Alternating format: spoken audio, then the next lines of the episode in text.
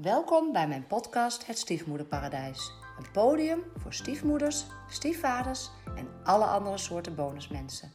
Een plek waar ik met hen in gesprek ga over hun ervaringen met het stiefgebeuren. We bespreken wat er leuk is, lastig is, wat ze anders hadden willen doen of zijn gaan doen. Daarnaast ga ik ook in gesprek met professionals die met bonusmensen werken.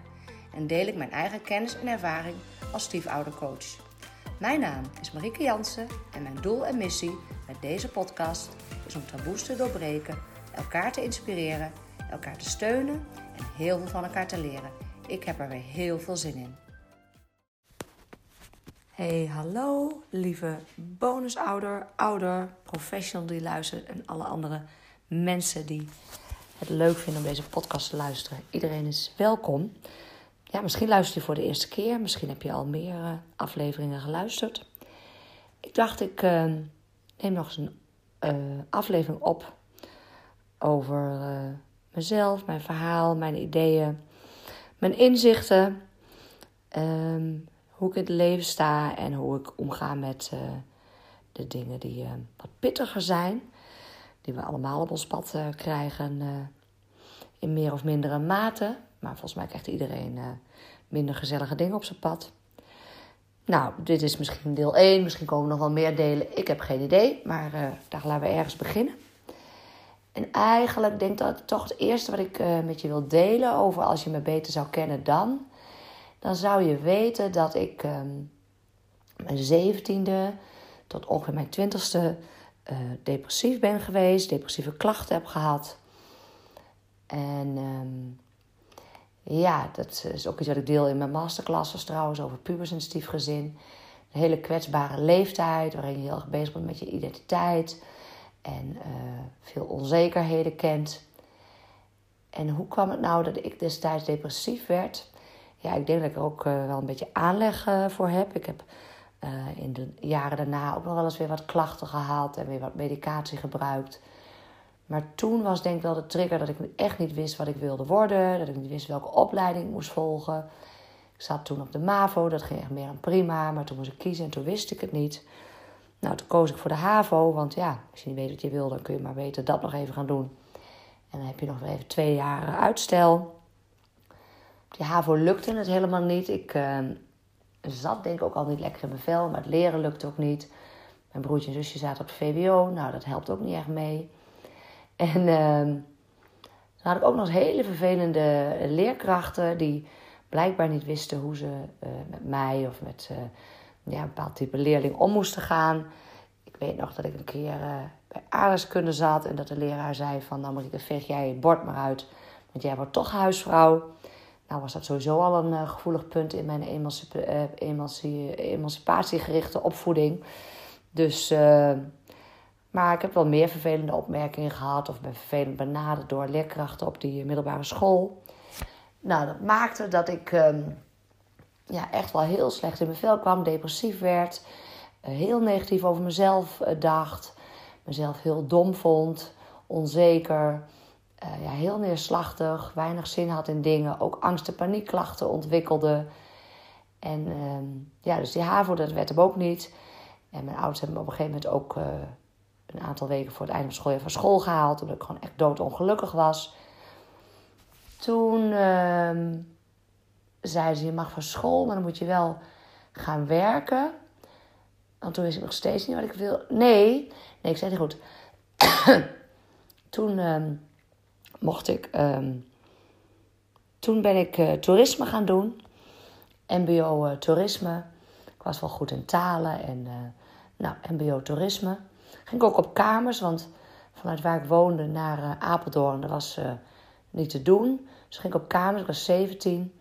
Nou, ik ben twee nachten op kamers geweest, denk ik, huilend aan de telefoon de hele nacht met mijn vriendje en mijn ouders.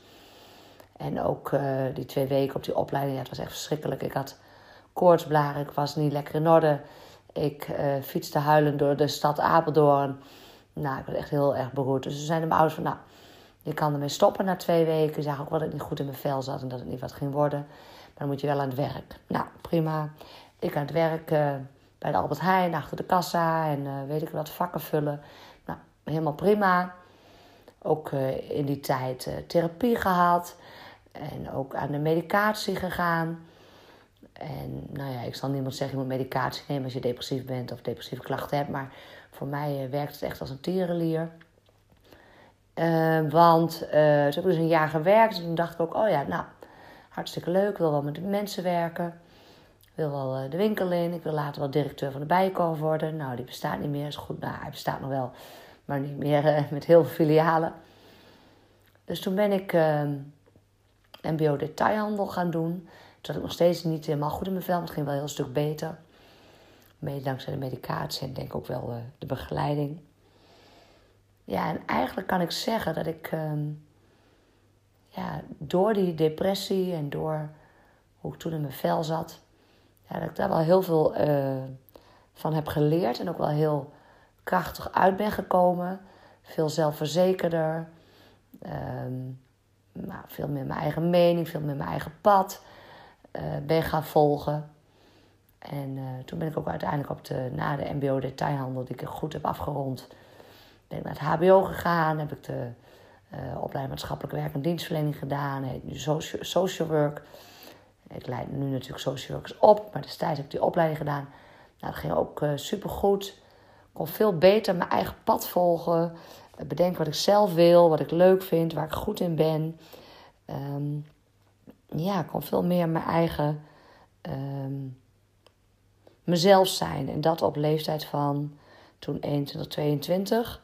Natuurlijk wel met onzekerheden en dergelijke. Maar het heeft mij wel heel veel uh, gebracht. En um, nou ja, die opleiding natuurlijk goed afgerond. Aan het werk gegaan als hulpverlener. Um, toen ook een relatie gehad. Waar ik achteraf van denk, jeetje Marieke. Ik bedoel, ik kan die man niet heel veel kwalijk nemen. Maar ik heb echt daar, eh, ook al had ik mezelf ontwikkeld, in die relatie heb ik me echt ja, totaal niet voor mezelf opgekomen. Heel erg op hem gericht.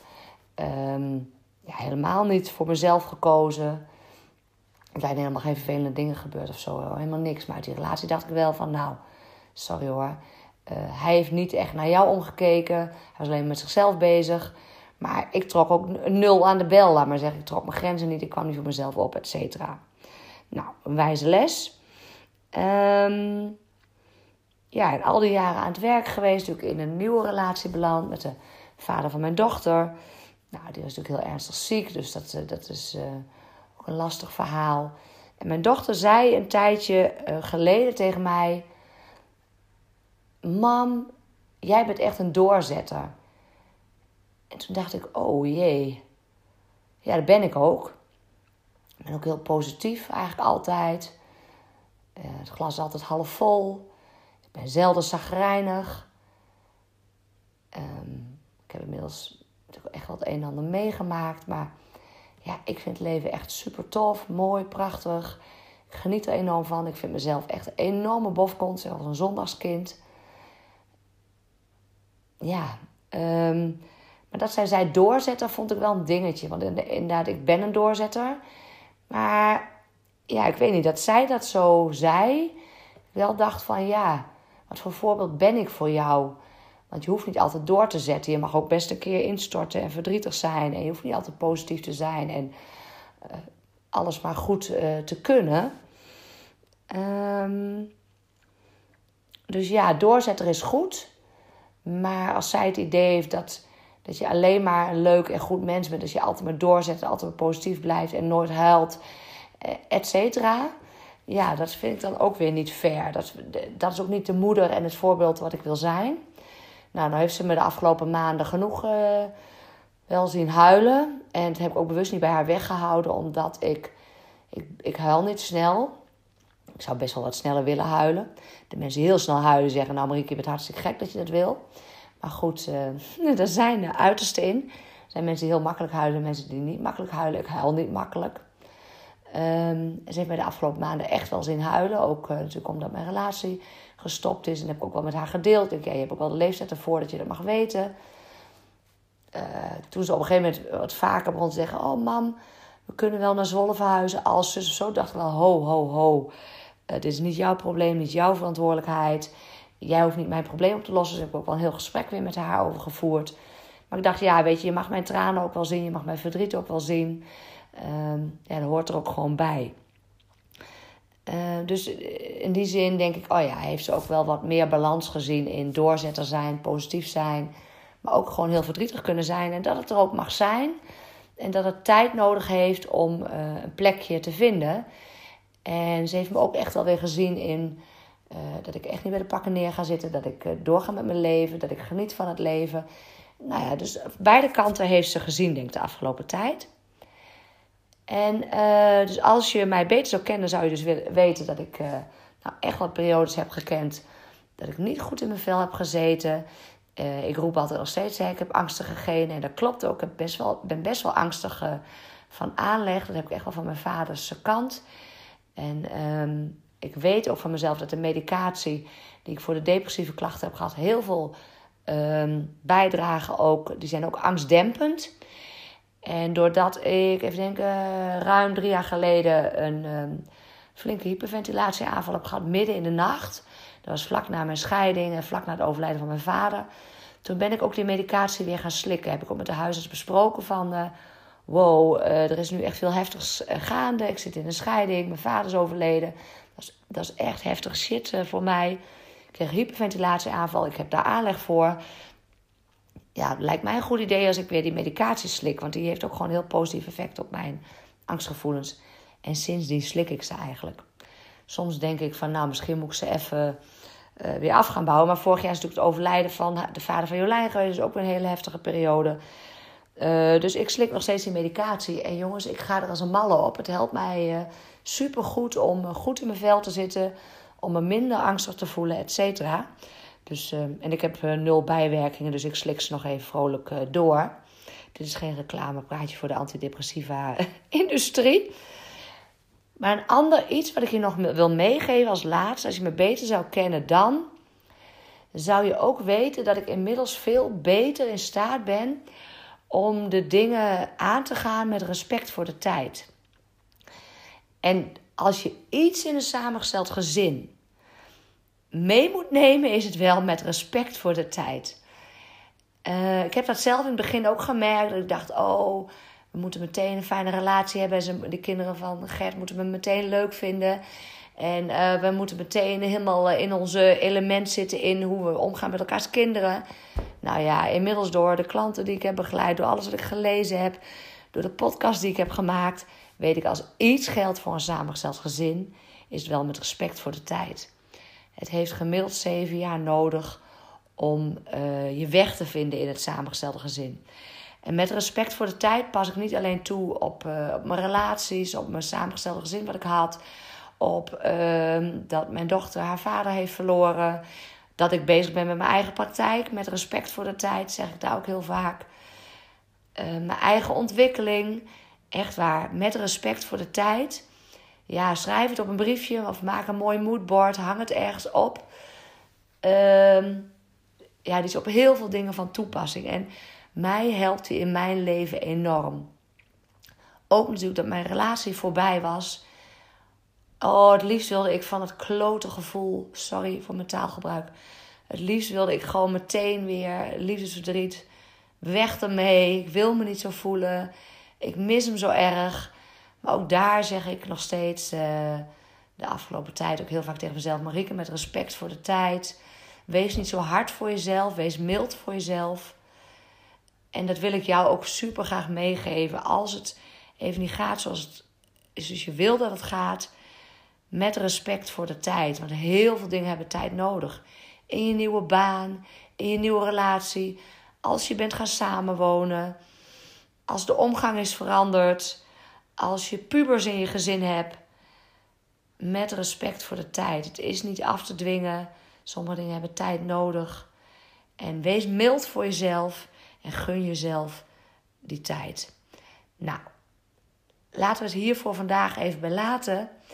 Uh, wil je reageren? Stuur mij een DM, mail mij. Ik vind het altijd super leuk als je vragen hebt, als je me iets wilt teruggeven. Als je het ergens niet mee eens bent, dan. Uh, deel dat uh, met mij. Um, nou, ik denk dat ik het hierbij laat. Ik wens je een supergoeie decembermaand. Als je daar uh, vragen over hebt, dat je over kwijt wil, deel het ook gerust. Uh, en we houden contact. Lieve groetjes, Marieke. Wil je meer weten over samengestelde gezinnen? Download dan mijn gratis e-book Eerste hulp bij je stiefgezin. Zie de link in de notities bij deze aflevering. En wil je één ding voor mij doen? Een review achterlaten om te laten weten wat je vindt van deze podcast. Dit is namelijk super simpel. Op Spotify kan dit bij de drie horizontale puntjes bij de podcast. En op iTunes kan dit bij de button beoordelingen en recensies. Heel erg bedankt. Ken jij mensen die ook profijt kunnen hebben van deze podcast? Deel hem dan gerust. Ook dit kan heel simpel via Spotify en iTunes. Ken je mensen die de gast willen zijn of wil je zelf de gast zijn? Stuur me dan een bericht. Info Een DM op social media mag natuurlijk ook. En wil je nooit meer een aflevering missen? Abonneer je dan op de podcast. Ook dit is wederom heel simpel. Je krijgt elke keer een seintje als er een nieuwe podcast online staat.